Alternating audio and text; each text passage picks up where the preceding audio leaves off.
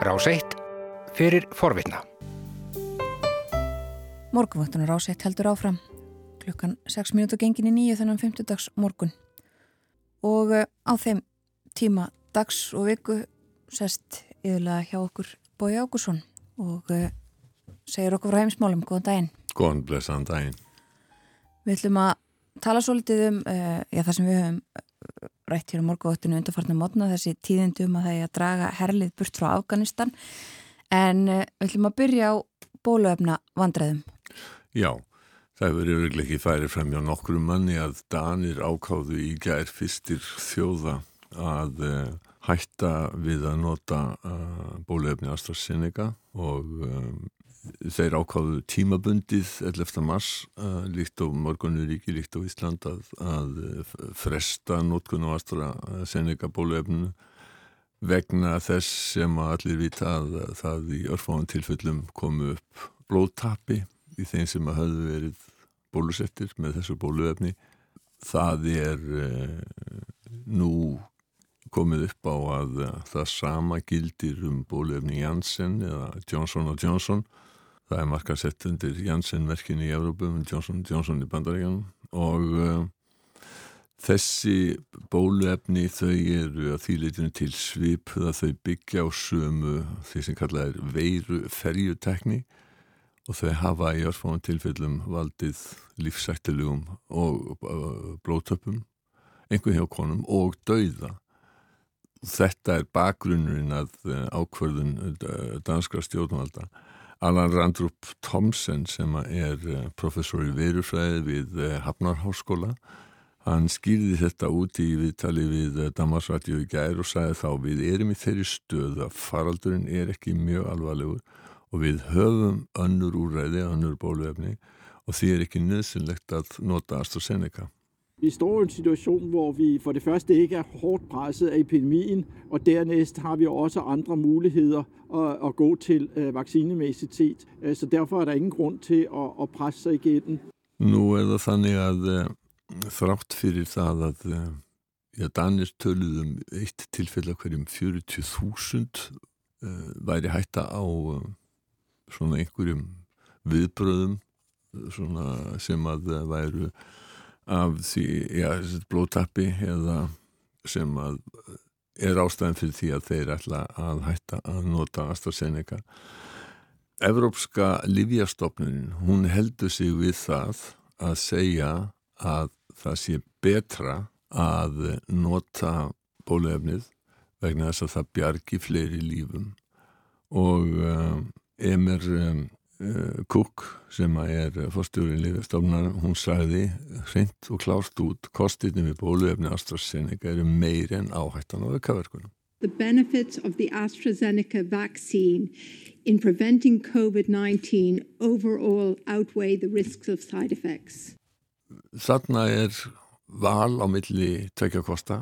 Einan mútið hverjum 40.000 segja að Danir getur fengið alvarlega aukaverkanir á AstraZeneca En vestur í bandaríkjanum að uh, þar snýst umræðan aðalega um Johnson & Johnson og þar hefur nótkunn þess bóluefnis uh, verið hægt í bíli, ef við erum frestað. Þar segir Antoni Fauci, sótvarnarleiknir í bandaríkjana, að uh, það hafi bara fundist sex tilfelli í næri 7 miljón manna sem hafa verið bólusettir með jóð-jóð eins og þeir kalla bóluefninu og samt sem áður eru þeir uh, með það í frí í augnabríkjunum. Skulum heyra þess í Antoni Fauci. You're talking about an adverse event that has occurred in six people out of 6.85 million people who are vaccinated in the United States. Nú þetta verður til þess að tefja bólusetningar og hefur sett úr skorðum allar bólusetninga áætlanir sem að fólk hafði bæði í Danmörku, Nóri, já bara allstað það sem þetta bólefni hefur notað. Og væntanlega á Íslandi líka. Íslensku auðvöld hafa vísi ekki gefið út svona jafn nákvæma tímasetninga áætlun og víða ellendis hefur, hefur verið gert. Og það kannski vegna þess að mönnum hefur verið ljóst að það er það er svo margt sem er óvíst í þessu ennþá og geta svo margir hlutir komið upp á eins og hafa gerst mm. tafir á afhendingu, tafir á framleiðslu og núna þessar aukaverkanir þannig að sko það er ekkit það er ekki á vísan að róa skulum við orðaða Já. Þetta var um bóluefni en uh, bói nú ætlum við til Afganistan. Til efni það að uh, Biden bandarækjafossetti lísti því við núna fyrir vikunni að uh, allir bandarískir hermin í landinu bandaríski herin, já hann verður kallaður heim og það fyrir 11. september. Já, Donald Trump samti við Talibana í fyrra um það að bandaríski herin færi fyrir fyrsta mæ nú verður sérstaklega töf á því. Þeir samningar voru í rauninni bara Trump hafi lofað því í sinni kostningabaráttu 2016 að kalla heim bandaríska hermenn úr, úr uh, afskiptum erlendis og þar á meðal í Afganistan. Þetta er lengsta stríð sem að bandaríkinn hafa nokkur sinni í staðið í því að fyrstu bandarísku hermennu komu þarna undir lók september 2001 eftir hinnar uh, allræmdu hriðiverka árásir meðal annars á týparututnana í, í New York 11. september og þetta voru viðbröð uh, bandaríkjana á, á, á þeim tíma. Það er stundum auðveldar að koma sér í hlutina og hefja afskipti heldur en að koma, komast í burtu. Sko skilgreind markmið verða að vera klár af hverju ertu að fara að skipta þær af og hvenar ætlar að draga þitt herlið tilbaka. Já. Áður en við uh, förum nánar og í, í, í stöðum ála þarna og kannski söguna, uh, förum nokkar aldrei jafnvel aftur í tímana, Já. þá kannski, sko, akkur er þá bætin í raun að senka þessari ákvörðun Trumps? Það er góð spurning, ég held að menn hafi eh, bara komist að því að þetta hafi verið of knappur tími, eh, það þarf talsverðan undibúning hver er að taka við því hlutverki sem að eh, ekki bara bandaríski heldur eh, allt því að hérna þarna, það eru, það eru held ég um 7000 uh, hermenn á vegum NATO þarna.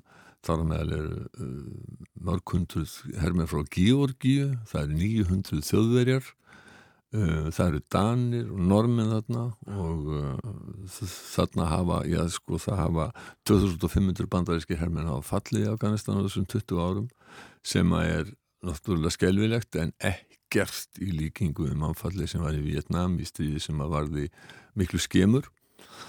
44 ehm, danir hafa látið lífið í Afganistan. Svo dæmi séu nefnd uh, uh, Afganistan er, er sérstakt ríki þetta er landlugt ríki og, og það er það hafa í rauninni verið átök og styrjaldi þarna eiginlega bara svo lengi sem að eldstu menn muna og lengur. Já. þetta hefur verið á, átök í, í árhundruð ef við kíkjum að þessu Afganistan. Það, það er sem sé að það er landlugt líka hvergi að sjó þá landamæri við Kína, Pakistan, Íran og uh, miðasjúríkin sem að áður til heyrðu Sovjetríkjónum Stanríkin þarna? Það eru Stanríkin sko og um, það er mjög margar þjóðir sem að, sem að byggja uh, Afganistan, þetta er allt, það er í kringum 40 miljónir manna sem búið þarna, 99% þeirra eru muslimar 48% þjóðarinnar eru pastúnar og 22% eru tatsikar og þarna er sérst töluð mörg tungumól og uh, Afganistan hefur átt í blóðum átökum bæði innbyrðis og við granna sína öldum saman. Við hverjum aftur til átjánda aldarinnar að þá var Afganistan stort og öflugt ríki það réð stórum hlutum í grannleikjónum meðal annars á Hindlandi, bæði Kasmír og, og Punjab hérðum og á 19. öldinni þá hefjast átök við breyta sem að þá voru að breyða úr sér á Hindlandi og þessar styrjaldir breyta og afgana stóðu fram í byrjun 20. aldar uh, hinn er svo kallu þriðju afgan angló eða afgansk-ensku styrjöldinni laug með fríðarsamningum sem gerði voru í Ravalpindi árið 1919 og eftir það er sjálfstæði og fullveldi Afganistan viðkjönt og það tekur við konungur Amanullah Khan.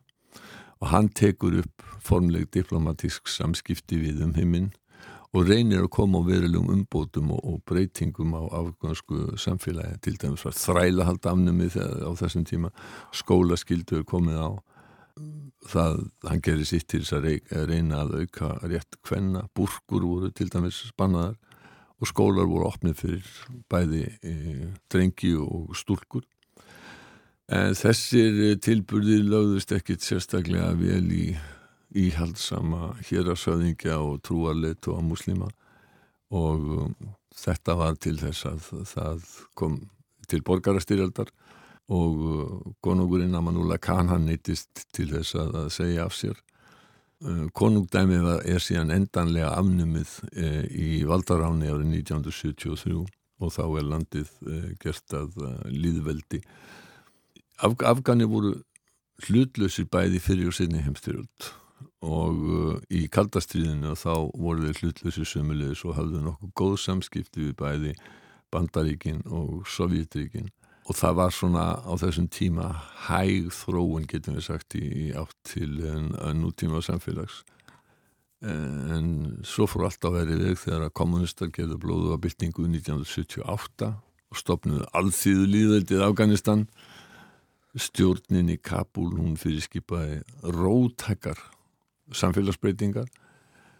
Og það lagðist enn á ný mjög ítla í þessa erki íhaldssumu hér að söðingja og trúa letua og vopnuð uppreist hófst gegn eh, kommunistastjórninni sem að varum það byrja að fara halloka þegar að sovjíski herin kom til bjargar því að sovjetmenn höfðu með það svo að þeir myndu missa andlitið þeir myndu, myndu verða fyrir álitsnekki ef að svo færi að stjórn þeirra er því hrakinn frá eða stjórn sem að er kend við þá og tengd þeim er uh, hrakinn frá völdum og þetta er í desember 1979 sem að sovjíski herin ræðist inn í landið.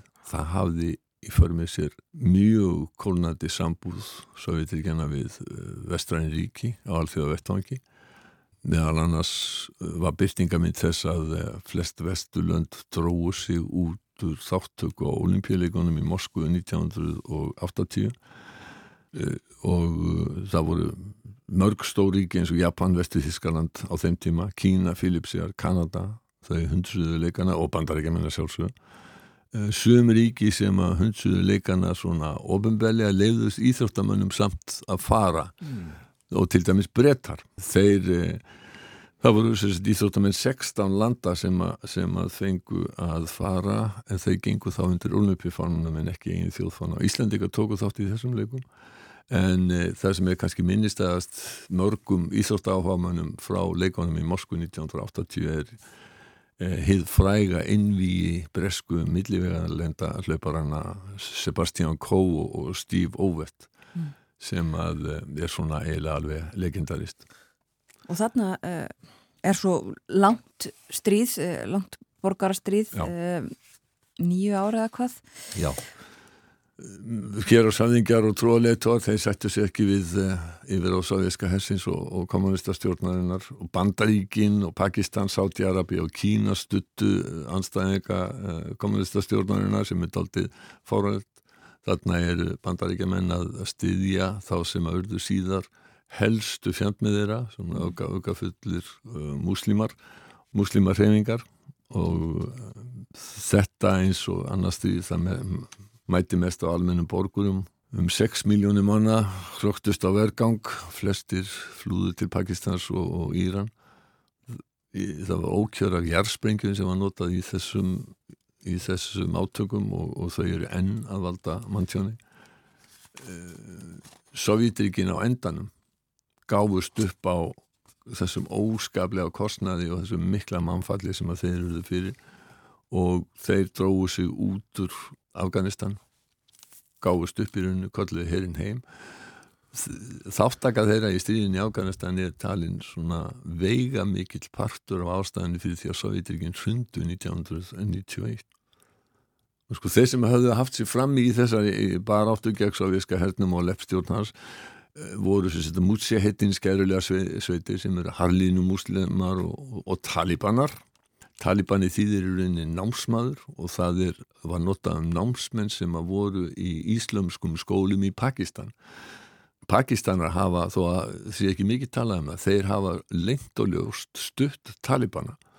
Og Talibanar urðu ofan á eftir að sovjetmennir fóru og þeir tóku við stjórn í, í Afganistan 1996 og þetta var ótrúlega grimm harstjórn sem byggir á öfgatólkun á Íslam og íslenskum lögum. Þeir offsóttu alla þá sem, ekki, sem þeir töldu að væri ekki fylgjandi sér og sínum öfga offsatrúarkenningum.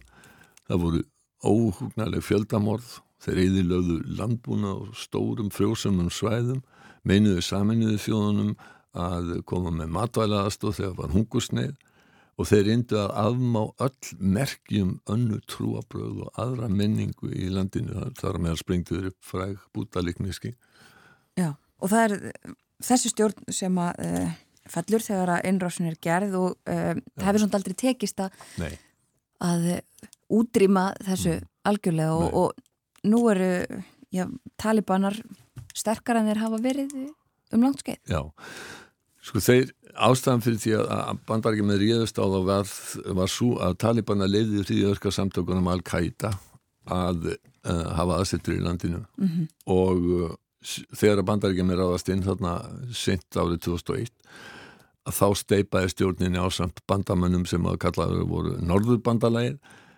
en það hefur aldrei tekist að vinna neitt fullna sigur á þeim Þeir leituðu skjóls í fjallahjörðum Pakistan þar sem þeir hafa notið stuðnings uh, stór sluta pakistanska hersin sem á stiður og lengt og ljóst.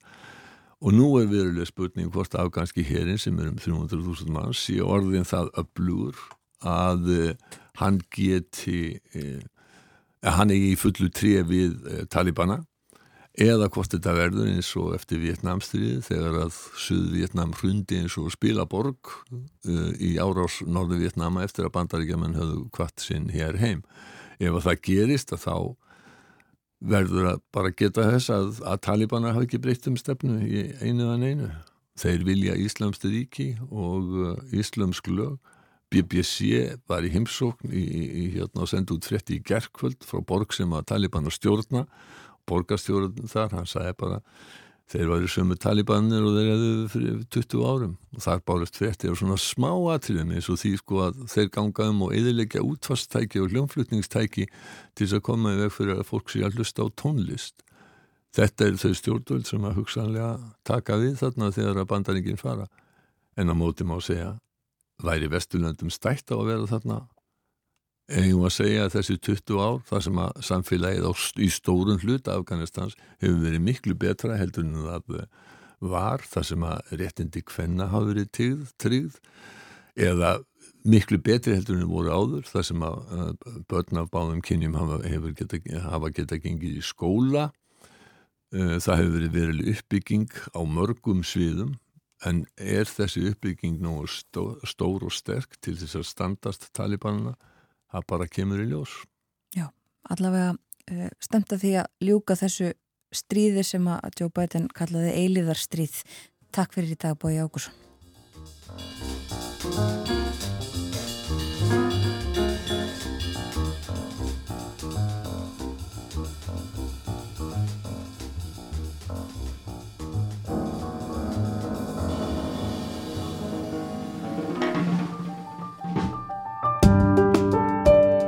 Þú varst að hlusta á hlaðvarpsþátt frá Rás 1. Ef þið langar til að heyra meira, farðu þá á rúf.is skástrygg hlaðvarp eða spilaran á rúf.is skástrygg útvarp. Rás 1 fyrir forvitna.